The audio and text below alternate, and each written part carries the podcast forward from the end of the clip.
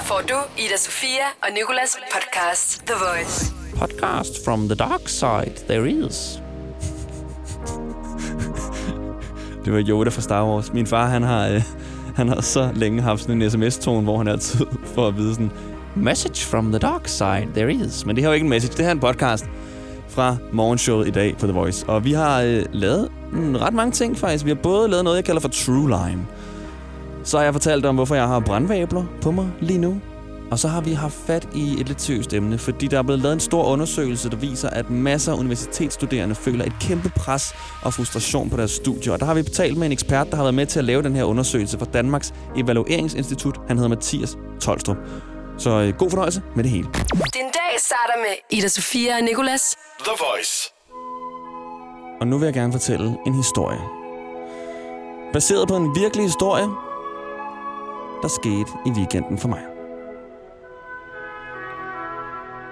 Jeg er til Halloweenfest, og jeg har en hvid skjorte på, og på et tidspunkt også en jakke. Og så står jeg og taler med en veninde over i hjørnet. Alt er hyggeligt. Alle er glade. Folk er lidt fulde, og de er klædt ud. Der er gjort virkelig meget ud af den her Halloweenfest. Og jeg står bare her, stille og rolig og hyggesnakker. Og lige pludselig, så kan jeg mærke, at jeg får det en smule varmt. Bare lidt. Ikke sådan sindssygt meget. Det bliver bare lidt varmere. Og lidt varmere endnu. Og jeg begynder sådan lidt at afbryde samtalen. Og lige pludselig så begynder hende her, jeg står og taler med, at skrige og pege på min ryg og sige, der er ild i dig. Og jeg blev nødt til bare at altså, at rende midt ud på gulvet, og kan bare se lyset fra de her flammer rundt om mig. Fordi det kommer fra min ryg. Og så er min jakke bare i fuld flor, skulle jeg til at sige, fuld brand. Så jeg smider min jakke, og jeg smider min skjorte, jeg har indenunder, og jeg smider min t-shirt, og jeg står bare der i bar mave med det her brændende tøj på gulvet, og begynder sådan at klappe på det, og gøre det, som jeg har set, de gør i film, og få det slukket. Og sådan, dem omkring, de kigger lidt, og sådan, er du okay? Og der er nogen, der har filmet det. Selvfølgelig er der nogen, der hiver telefonen frem og skal have det på social media. Og tagger mig. Fair nok. Hvis du har tagget mig, så må du gerne filme mig, når jeg, går, når jeg brænder. Men jeg står bare og er fuldstændig chokeret. Så er det et lys, der har stået over på bordet og brændt op igennem lige så stille, fået fat. Og så, og så er det bare taget fart. Altså, jeg har ikke nogen skjort mere. Den skjort, det er sådan, jeg tror, der er en ærmestump tilbage, og min jakke er bare... Altså, det ligner den der nye triumfbue, der er i Frankrig, den der store bue, hele vejen op ad ryggen. Der er, ingen, altså, der er ikke nogen jakke tilbage. Det er åben ryg i hvert fald, som, som man kalder de her kjoler, som mange kvinder har på. Og nu står jeg så med det mest wagge sår nogensinde. Altså, jeg tænkte jo sådan der, okay, er der noget, jeg får ud af det her, så er det i hvert fald sejt ar eller et eller andet. Jeg har fået tre små vabler. Det ligner, jeg har spillet badminton for længe. Så sejrer jeg ar heller ikke. Men det er mere bare, når jeg skal fortælle folk, hvad der er sket nu, så kan jeg jo ikke vise dem det her ar her. For så tror de jo ikke, det er seriøst. Så tror de ikke, at der er sket det, jeg fortæller dem. Du sidder sikkert og tror lige nu, at jeg har overdrevet. Nu har jeg kun den her forbandede vabel og dens venner. The Voice med Ida Sofia og Nikolas. The Voice. Vi skal nu til noget, jeg kalder for True Lime. Fordi er der noget, der overtager landet for tiden, ud over Dalle Valle og klamydia, så er det True Crime. Og jeg vil også have True Crime med i mit program, fordi der er så meget succes forbundet med True Crime. Nogle af de største podcasts, vi har, er True Crime. Men der er alligevel noget i mig, som ikke præcis vil lave det samme, som True Crime er. Jeg vil ikke bare tage og kopiere deres produkt. Så jeg har i stedet fundet på True Lime. Og det er en quiz om lime. Og jeg har en deltager klar til True Lime lige her. Godmorgen. God mandag morgen. Hvad hedder du? Jeg hedder Le. Hej Le. Hej. Er du glad for True Crime? Altså, jeg er begyndt at lytte til noget her på det seneste, fordi jeg har fået et arbejde, hvor jeg kører meget, ikke? Mm. Så ja, på en måde er blevet glad for det her på det sidste. Okay. Men Le, det her... Le, det her er jo ikke True Crime. Det her er True Lime. Jeg har en quiz til dig om limefrugter. Ved du meget om limefrugter så? Øh, kun at de smager godt i drinks. Kun at de smager rigtig godt i drinks. Og ved du hvad, er du klar til den her quiz nu? Det er jeg i hvert fald. Så sætter jeg lige noget musik på. Okay. Velkommen til True Lime. Le, det første spørgsmål er, hvornår blev limefrugter importeret til Europa? Er det 1300-tallet, 1600-tallet eller 1800-tallet? Det må være 1600-tallet. Desværre, Le, 1300-tallet allerede. Det er nogle meget unge frugter. Okay. Okay. Hvad er den gennemsnitlige diameter på en limefrugt? Og her skal du bare inden for 1 cm rigtigt. Okay. Ja, det må være fire. 4. Det er rigtig læg. 5 cm er det helt præcise svar, men du kommer inden for 1 cm. Fedt. Næste spørgsmål. Hvor kommer limefrugten fra? Er det Sydøstasien, Nordøstafrika, eller er det det sydlige New Zealand? Uh, Sydøstasien. Det er også rigtigt læg. Uh! Fedt. True lime går godt. Okay. Er der kerner i en lime? Øh, ja. Desværre, det er der faktisk ikke. Nå. Jeg ved ikke, hvordan de vokser så, men jeg har fundet ud af, at der ikke er kerner i. Hvad fanden er det så for nogle små frø, de der, man altid piller ud? Uh, nå, det er en citron. Man. Det er en citron, lige præcis. Ved du hvad, et andet spørgsmål, jeg havde, det var, hvilken, øh, hvilken anden frugt minder limefrugten om, men det er cit- citron, så den får du. Så har vi det sidste spørgsmål, Le. Hvor højt bliver et limetræ? Og her skal du også bare inden for 1 meter. Uh, det bliver 3 meter. Uh, desværre. 5 meter. Nej. No, men Le, du har vundet alligevel, for du fik mere end halvdelen rigtigt. Yes, mand. Stort tillykke. Der har jeg vundet. Jamen, hvad, hvad, altså, hvad kunne du godt tænke dig at vinde? Øh, nogle koncertbilletter. Nogle koncertbilletter. Ved du hvad, jeg har ikke nogen koncertbilletter lige nu. Vi har udlået det sidste sidste uge. Men jeg har... Øh, nu skal du høre. Vi har faktisk nogle kopper, som du kan vinde. Men jeg har ikke nogen kopper fra The Voice. Jeg har kopper fra Pop FM, Radio 100 og Nova. Min søsterkanals kopper. Og jeg går bare ned og tager en. Hvilken en kunne du helst tænke dig? Øh, ikke nogen, fordi jeg er kun til The Voice. Du er kun til The Voice. Hvis så jeg tager en Nova-kop og streger Nova ud og skriver The Voice på. Jamen, det går nok lige så. Det går nok lige. Fedest. Tak fordi du var med, Le. Og have en god mandag. Tak. I lige måde. Tak til Le. Er du til ikke True Lime, men True Crime, så burde du tjekke vores podcast ud, der hedder Danske Drabsejre, der ligger på Radio Play-appen. Ida Sofia og Nicolas. The Voice. Jeg vil gerne tale om noget nu, som jeg fandt ud af i går, og som jeg fandt meget foruroligende. Det handler om alle mine medstuderende, skulle jeg til at sige. Nu er jeg ikke selv studerende, men jeg har været og har faktisk droppet ud af to uddannelser selv. Og det er det, det hele det handler om. Fordi der er rigtig mange, specielt universitetsstuderende, som øh, føler pres udefra eller indenfra, i hvert fald pres på studiet, og føler sig også frustreret over, at de ikke kan forstå det, som de læser. Men alligevel, så holder man jo hovedet højt og ikke siger noget til andre. Det vil jeg i hvert fald selv gøre, fordi sådan, det er jo også lidt pinligt at, at være den eneste i klassen, der rækker hånden og siger, jeg fatter ikke det her. Og øh, det har der været en hel undersøgelse omkring. Og jeg har talt med en af de mennesker, der har været med til at lave den her undersøgelse. Han hedder Mathias Tolstrup, og han har lige nogle kolde facts på, hvad det handler om her. Altså det vi kan se, det er jo, at uh, helt generelt, så inden for de første to år, så er det omkring øh, uh, hver fjerde studerende, der ender med, at, ender med at droppe ud fra deres uddannelse. Vi kan se, at uh, hver anden studerende svarer på vores uh, undersøgelse, at de, uh, de i meget høj grad ofte uh, føler sig uh, frustreret. Det er cirka hver tredje, der på samme måde svarer, at de, uh, at de er nervøse og anspændte, og det er cirka hver fjerde, der sådan decideret er flove over simple ting, de ikke kan forstå på studiet. Og Mathias her, han er fra Danmarks Evalueringsinstitut. Og nu sagde jeg jo lige før, at vi skulle tale med en, som har følt det her pres på egen, ah, eget, egen krop. Og det er vores praktikant Nicoline. Godmorgen, Nicoline. Godmorgen. Og øh, du kan godt ikke genkende til det her med at føle pres og frustration på dit studie. Ja, det Du- du... kan jeg. Du er nu på din kandidat, er det sandt? Ja, sidste år på kandidaten. Ja. Snart i mål. ja. Og hvad er det, du læser? Jeg læser musikvidenskab. Det lyder også midt af de tunge. Oplever du tit, at du sidder i klassen, og øh, læreren eller lektoren har forklaret noget, og du så bare sidder med åben mund og polyper, som man kalder det, og bare sådan der, helt blank? det synes jeg, jeg har oplevet mange gange. Altså, er det sådan noget, som du sådan har talt med dine klassekammerater om, eller måske endda læreren? Altså, jeg tror ikke, jeg har talt med læreren så meget om det, men jeg synes, jeg synes, jeg har været ret god til at snakke med mine altså, medstuderende om, at sådan, er jeg den eneste, der ikke fatter det her overhovedet? Ja. Øhm, men det kan også være svært, hvis at der er vildt mange i klassen, der, der virker kloge og hele tiden rækker hånden op, og hele tiden har noget godt at sige, og har svaret på det, de, på det, de bliver spurgt om. Øhm, og så man sidder der, så føler man sig virkelig alene om ikke at vide noget, og så er det måske sværere at snakke med de andre om det. Ja. Så det kan også være sådan lidt tabubelagt, og ligesom at være den første til at sige i hvert fald. Mm, ja. Det kan jeg virkelig godt selv følge. Men så, altså, når der endelig var en, i hvert fald på det universitet, øh, i, på, på, på den linje, jeg gik på på Ja. universitetet. Når der endelig var en, der gjorde det, så var alle andre sådan der, praise the Lord Ja, ja, Jesus, sådan. endelig er der en, der siger det. Ja. Fordi hvad betyder alt det her overhovedet? Mm.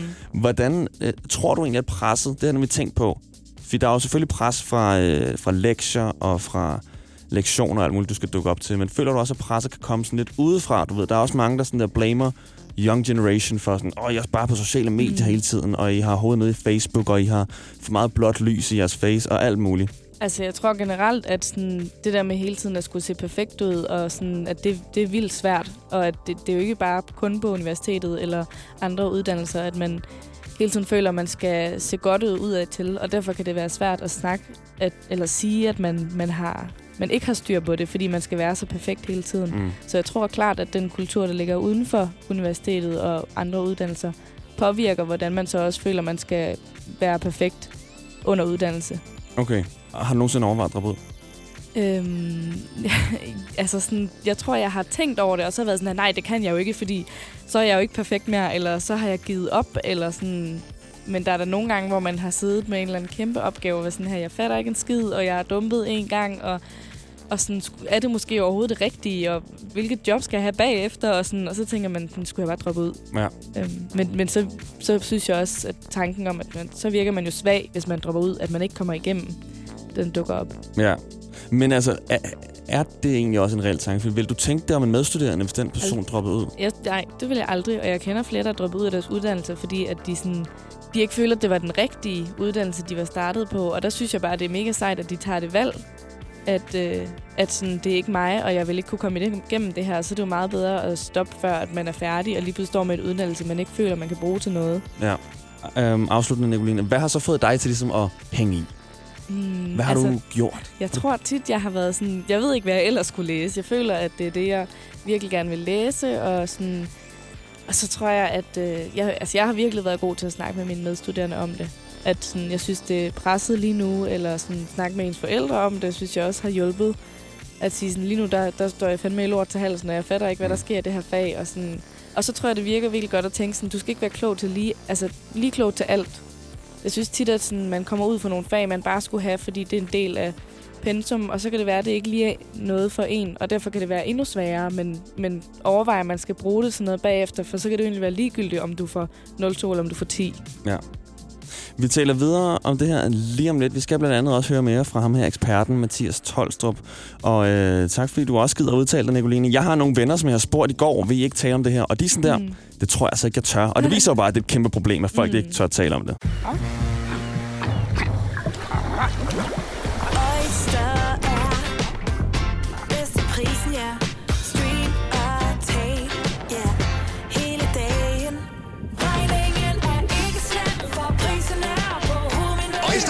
prisen helt på hovedet. Nu kan du få fri tale 50 GB data for kun 66 kroner de første 6 måneder. Øjster, det er bedst til prisen. Med Bosch får du bæredygtighed, der varer ved. Vaskemaskiner, som du ser så nøjagtigt, at de sparer både vaskemiddel og vand. Opvaskemaskiner, som bruger mindre strøm. Og køleskabe, som holder maden frisk længere. Slidstærke produkter, der hverken sløser med vand eller energi. Har du for meget at se til? Eller sagt ja til for meget? Føler du, at du er for blød? Eller er tonen for hård? Skal du sige fra? Eller sige op? Det er okay at være i tvivl. Start et godt arbejdsliv med en fagforening, der sørger for gode arbejdsvilkår, trivsel og faglig udvikling. Find den rigtige fagforening på dinfagforening.dk Du vil bygge i Amerika? Ja, selvfølgelig vil jeg det. Reglerne gælder for alle. Også for en dansk pige, som er blevet glad for en tysk officer. Udbrændt til kunstner. Det er jo sådan, direktør Conradsen, han ser på mig. Jeg har altid set frem til min sommer. Gense alle dem, jeg kender. Badehotellet den sidste sæson. Stream nu på TV2 Play. The Voice med Ida Sofia og Nicolas. The Voice. Du er sammen med mig, jeg hedder Nikolas. Og jeg plejer jo mange gange at lave sådan noget, noget lidt lol her i radio. Noget, der mange gange har en, øh, en sjov tilgangsvinkel og bliver rigtig, rigtig, rigtig, rigtig grineren. Men lige nu, der skal det være lidt seriøst, fordi jeg læste noget i går, som jeg faktisk blev ret ked af at læse. Og det er, at der er et kæmpe problem på universiteterne, der viser, at øh, hver fjerde elev dropper ud inden for de første to år, og stort set halvdelen kan ikke genkende til at mærke et kæmpe pres og frustration på deres studie. Og jeg har selv været studerende og har droppet ud af to uddannelser. Og det så, har jeg fortalt mig selv i hvert fald, af andre grunde, jeg har droppet ud. Men jeg kan faktisk godt lidt se det her, som den her undersøgelse siger med, at mange føler sig frustreret over, at de ikke forstår, hvad der sker på det her studie. Hvad, hvad er det, de lærer? Og det er da super nederen at sidde der, og det har jeg selv prøvet. Sidde til kommunikation og IT på Københavns Universitet. Sidde to timer og høre på en lærer, der forklarer tingene meget pædagogisk. Og så fatter jeg stadig ikke en brik. Og så bliver jeg lige glad, og tænker, "Pff, det er også bare kedeligt studie, så dropper jeg ud. Og så står jeg her nu og laver radio i stedet for. Men jeg har hævet fat på en af de her gutter, der har været med til at lave en undersøgelse fra- Danmarks Evalueringsinstitut. En undersøgelse, der viser nogle, nogle ret slemme ting, og det er Mathias. Og hvad er det præcis, du er, Mathias? Jeg er konsulent ved Danmarks Evalueringsinstitut, EVA. Og det lyder som en, der har styr på det her. Jeg har i hvert fald arbejdet en del med trivsel her i løbet af de sidste år, mm. primært. Mm. Mathias, øh, kan du lige hurtigt rise nogle, nogle kolde facts op for os? Altså det vi kan se, det er jo, at øh, helt generelt, så inden for de første to år, så er det omkring øh, hver fjerde studerende, der ender med, at, ender med at droppe ud fra deres uddannelse. Vi kan se, at øh, hver anden studerende svarer på vores øh, undersøgelse, at de, øh, de i meget høj grad ofte øh, føler sig øh, frustreret. Det er cirka hver tredje, der på samme måde svarer, at de, øh, at de er nervøse og anspændte, og det er cirka hver fjerde, der sådan decideret er flove over simple ting, de ikke kan forstå på studiet. Okay. Hvordan har I egentlig foretaget den her øhm, sådan undersøgelse? Fordi jeg har spurgt nogle af mine venner, om de vil udtale sig, og de har været sådan der, nej, det er jeg ikke så glad for, fordi de netop er bange for, at nogen skal finde ud af, at de er flove, og at de altså, kan forstå det, som de læser på studiet. Ja, det her det er en, en spørgeskemaundersøgelse, hvor vi i august først har, øh, har spurgt alle studerende, 60.000 studerende, som er startet på, på en uddannelse den sommer. Så har vi så gentaget øh, det spørgeskema med nogle nye spørgsmål efter et halvt år, hvor de så er startet på studiet. Og her er der så øh, 10.000, der har svaret på både det første og det der efter et halvt år. Øh, så det er de 10.000 cirka, vi, øh, vi baserer den her undersøgelse på. Hvor, øh, hvor tror du, det her problem, det kan godt være, det er lidt svært spørgsmål, men hvor kommer det fra? Ja, det er jo, som du siger, det er meget svært at svare på. Øh, vi har ikke i vores undersøgelse sådan nogle konkrete ting, hvor vi kan se, det her det stammer fra. Vi kan se, at det hænger sammen med både sociale og, øh, og faglige ting på studiet. Øh, så, så det kunne for eksempel mere konkret hænge sammen med, øh, hvor god en start socialt man får på studiet, når man, øh, man er igennem de her studiestartsforløb og sådan noget. Det kunne også hænge sammen med, hvorvidt øh, ens underviser er, er god til at give sådan god feedback og inddrage eleverne, eller hvorvidt man er med i en, øh, i en god læsegruppe. Tror du, det er, det har jeg nemlig tænkt på, tror du, det er mængden og niveauet af opgaverne på universitetet, der er steget, eller kan presset også komme sådan udefra? Jamen, helt generelt så kan man sige, vores undersøgelse her kigger jo ikke så meget på, øh, hvorvidt der har været en stigning eller ej. Vi, vi, det er første gang, vi laver den her. Det vi kan se i en, i en anden undersøgelse, vi har lavet, det er, at, øh, at flere studerende de tilskriver det niveau af stress, de for eksempel har på studiet. Det tilskriver de ting, der, der foregår inde på uddannelsen. Så klart nok kan der være nogle ting uden for studiet, der også øh, stresser de unge, men, øh, men, men det hænger umiddelbart ser det også ud til, at det hænger sammen med ting inde på studiet. Der er, øh, jeg vil lige spørge, har du selv studeret? Ja. Kan du selv ikke genkende til det her? Jamen selvfølgelig, jeg kan sagtens ikke kende, genkende til, at man i gang imellem føler sig frustreret eller nervøs eller, eller flov over ting, man ikke lige kan forstå. Men, øh, men jeg tror, jeg har været i den heldige situation, at, øh, at det ikke er noget, jeg har gået og følt hele tiden. Øh, og jeg kan da sagtens øh, sætte mig ind i, at, øh, at hvis det er noget, man, nogle følelser, man går og har hele tiden, jamen, så må det altså også bare være rigtig hårdt at komme igennem sin studie. Mm. Øh, ja. Har du øh, har I nogen sådan løsning på det? Ved I sådan, har I, I en idé om, hvad der skulle til, før det her det bliver bedre? Nej, altså vi har ikke nogen konkrete løsningsforslag i den her rapport. Det er ikke, det er ikke på den måde, det den, det den er meningen til. Det den er skabt for er at, at skabe øget fokus på det her, og så peger vi på nogle relativt brede områder, hvor vi kan se, at det hænger sammen med det her. For eksempel, at det lidt overraskende, at trivselen også hænger sammen med, hvordan, øh, hvordan det går i, i de faglige fællesskaber, hvor man tit snakker om trivsel som en social ting. Og tak, for du gad være med, Mathias. Jamen, det var det. Hej. Hej. Her der var en samtale, som jeg havde med Mathias lidt tidligere på morgenen. Han kommer som sagt fra Danmarks Evalueringsinstitut og har været med til at lave den her meget store undersøgelse. Og eftersom jeg er kongen af dropouts, så vil jeg gerne fortælle lidt om, hvad jeg har været igennem og hvorfor. Fordi der er nogle ting, øh, der er gået op for mig, mens jeg har talt om det her. Din dag starter med Ida Sofia og Nicolas. The Voice. Du er med Nicolas på The Voice, og sådan her ser det ud lige nu på mange universiteter. Altså det vi kan se, det er jo, at uh, helt generelt, så inden for de første to år, så er det omkring uh, hver fjerde studerende, der ender med, at, ender med at droppe ud fra deres uddannelse. Vi kan se, at uh, hver anden studerende svarer på vores uh, undersøgelse, at de i meget høj grad ofte uh, føler sig frustreret. Det har vi talt om det meste af morgenen. Det her det var Mathias Tolstrup fra Danmarks Evalueringsinstitut, som har været med til at lave den her kæmpe undersøgelse, hvor mange tusind elever er blevet adspurgt. Og øh, jeg er ikke blevet adspurgt, flere ikke-studerende længere, men jeg er som sagt kongen af at droppe ud. Og jeg har som regel ikke følt, at det er på grund af frustration eller pres, men nok med at overbevise mig selv om, at det er fordi, at jeg bare ikke var interesseret. Men nu, når jeg har talt så meget om det, så tror jeg faktisk, at der er dukket nogle sandheder op. Jeg har først gået på Københavns Universitet, hvor jeg læste noget, der hedder Kommunikation og IT. Der gik jeg et år. Så kom jeg ind på Danmarks Medie- og Journalisthøjskole, og, øh, og der gik jeg også et år. Tid, øh, den tidligere har jeg også bare gået et år på det ene gymnasie, et år på det andet, og så lige to år på HF. Men det er de her ene år, jeg tager på mange uddannelser. Og hver gang jeg starter, så tror jeg, at jeg sådan føler mig meget motiveret til at starte med. Og så har jeg, i hvert fald på Københavns Universitet, kan jeg huske, at jeg godt kunne ikke genkende til det her med ikke at fatte en brik af, hvad der foregik. Men jeg tænkte bare, fordi jeg er så indbilsk og sådan noget, at det er dem, der forklarer det dårligt. Og sad bare, så mange elever nok gør egentlig. Jeg har talt med nogle af mine venner fra det studie om det med, sådan, at så læner man sig tilbage og tænker, at det kommer nok på et tidspunkt, eller de forklarer det bedre en anden dag. Og så rører man bare længere og længere og længere bagud. Og lige pludselig så er man bare der, hvor der er for langt hen til, at man er på niveau med de andre. Og så er det bare sådan, nå, det er jo også bare et åndssvagt studie. Det har jeg i hvert fald sagt til mig selv. Jeg ved godt, det lyder meget usympatisk, men altså, jeg tror, at det er netop er på grund af det her pres her, som jeg nok ikke rigtig har kunne indse selv, at det er fordi, jeg egentlig nok bare ikke fattede en brik af, hvad der foregik, men ikke tog at sige det til nogen, og ikke tog at sige det til læreren i hvert fald, der stod deroppe og prøvede at forklare det på en meget pædagogisk måde. Så endte jeg med bare at tænke sådan, jeg fokuserer bare på at blive venner med nogle af dem, og så smutter jeg. Så smutter jeg videre til Danmarks Medie- og Og det var sådan lidt samme mønster, tror jeg lidt, jeg indser nu, fordi at det var, at jeg i starten sådan var med, fattede det hele, lavede de første par opgaver, og lige pludselig så, fordi jeg lige sådan, måske missede en time, kom lidt for sent, startede med at komme lidt bagud, så sad jeg lige pludselig til en time og ikke rigtig fattede noget. Og så tænker jeg, så kan jeg lige så godt bare spille Bubble Struggle eller noget i stedet for. Og så ryger man jo længere tilbage, men hele tiden tænker, jeg fanger det på et tidspunkt. Fordi jeg gider ikke rigtig sige til nogen, at jeg faktisk ikke fatter det. Jeg gider ikke at spørge nogen, kan jeg lige få en ekstra time med dig eller noget.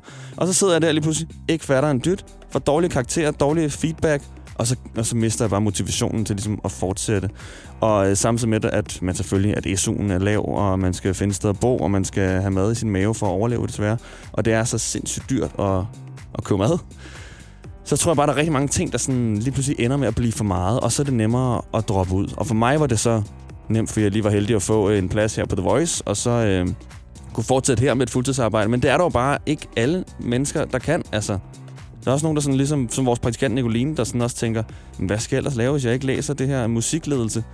Og det ligesom sådan giver mening, at man burde være her, og i hvert fald også fra samfundet, det der med, sådan, hvis du ikke har en universitetsuddannelse, så er du fuck. Det har jeg også fået at vide masser af gange. Eller den der, Specielt nu, når jeg er på The Voice, med at, jamen, hvad så hvis nu, at det lige pludselig ikke holder mere? Skal du så ikke have noget at falde tilbage på? Og det der med at have noget at falde tilbage på, det er bare, altså, det er djævelens sætning. Fordi det er netop den der, hvor man så sidder og har fået den sætning smidt i hovedet og tænker, jo, for hvis jeg ikke har noget at falde tilbage på, så falder jeg jo bare ned. Og så ender jeg bare i rendestenen med en kanyl i armen og bliver nødt til at begå hjemmerøveri eller sådan noget. Og så bliver det fedeste måltid, det jeg får i fængsel. Så det, altså det kan virkelig også bare køres op i ens hoved, og de her katastrofetanker kan virkelig, virkelig melde sig ud over alle de andre problemer, man jo så også facer med, at man skal være den øh, sådan, skaffe sig nogle venner på studiet, så man ikke kommer til at sove alene på studieturen og alt muligt. Der var virkelig, virkelig, virkelig mange ting, som sådan kan melde sig som det pres. Og det er virkelig gået op for, for mig nu, at jeg tror ikke, at jeg har været så sej, som jeg nok har bildt mig selv ind, men nok bare har været bagud og sådan ikke har tur sige det til nogen. Ikke, ikke har tur sige det til en studievejleder, så har jeg bare sagt, at jeg dropper ud. Og nu uh, talte vi med Mathias, og fik ikke rigtig noget svar på sådan konkret, hvad man kunne gøre. Men jeg tror, at det, som jeg i hvert fald ville gøre, var nok at sige det til en studievejleder. Fordi mange gange er de faktisk super duper flinke. Det er mange gange, uh, alle mine studievejledere har i hvert fald været de her søde kvinder, men med sådan frisk frisyrer, og har heddet Mette eller Henriette og et eller andet hyggeligt. Og så har de været super hjælpsomme, men det var først den dag, jeg taler med dem og siger, jeg kan ikke mere. At de siger sådan, jamen er du sikker, og du kan få noget hjælp og alt muligt. For der er altså virkelig meget hjælp at hente, specielt også på studiet. Om ikke andet, så tal med dine forældre, eller endnu vigtigere, tal med dine klassekammerater. Fordi som du kan høre her, så er du 100% ikke alene om alt det her. Det her er Ida Sofia og Nicolas The Voice. Jeg var øh, i Fields i går med et storcenter, der ligger ude på Ørestad. Her der skal jeg mødes med min mor og morfar og min mor og far og drikke kaffe. Og jeg går op på Espresso House, som vi sidder på for... Nej, ved du hvad, jeg vil faktisk ikke have noget musik. For det her, det er, det her, det, det her det er vigtigt, det er noget stort. Jeg går op for at bestille kaffe. Jeg bestiller to cappuccinoer. Cappuccinoer. Som jeg har troet hele mit liv, det hedder, når man køber mere end én cappuccino. Så står jeg og venter over ved skranken på, at det bliver lavet. Og hende her ekspedienten, hun har så ikke set mig. Så hun vender sig rundt og råber ud i butikken. To cappuccini. Og jeg står der og tænker straks, er det en talefejl? Eller er det mig, der aldrig nogensinde har hørt om cappuccinoer i flertal, der hedder cappuccino. Så jeg spørger hende, er det her, øh, er, altså er det sandt, at det hedder øh, cappuccini? Og så siger hun, ja. Okay, det var ikke sådan en særlig stor bombe. Jeg tror bare lige den første, der var. Så siger hun, ja, cappuccinoer i flertal hedder cappuccini. What? Cappuccini, altså risici. Den kunne jeg klare. At risiko i flertal hedder risici. Da jeg hørte det første gang, var sådan der, que pasa? Hvad? Men så, den har jeg accepteret nu. Men cappuccini? Det er... Der stopper det. Det er seriøst for mærkeligt. Jeg kan godt se pointen. Men altså, at, hvor mange andre ting har jeg ikke fattet? Hvad det hedder i flertal? Flere kaffer hedder det kaffe. Kan jeg bede om to kaffe? Americani. Lige om lidt, der får du flere sange i. Helt ærligt. To cappuccini. Hun kigger på mig, som om det er det mest normale i hele verden, som om alle ved det. Nu er der flere end mig, der ved det. Spred ordet. Det hedder cappuccini i flertal. Simpelthen. Ida Sofia og Nicolas på The Voice. Længere er podcasten ikke. Der findes masser af andre podcast, og øh, også nogle andre. For eksempel den her Drake-podcast, som øh, er fuldstændig færdig nu. Sidste afsnit udkom i dag, mandag den 4. november, og er med Oliver Casey. Og det kan du også finde her, hvor du har fundet det her podcast. Bare søg på Drake-podcasten. The Voice. Ida Sofia og Nicolas. Podcast.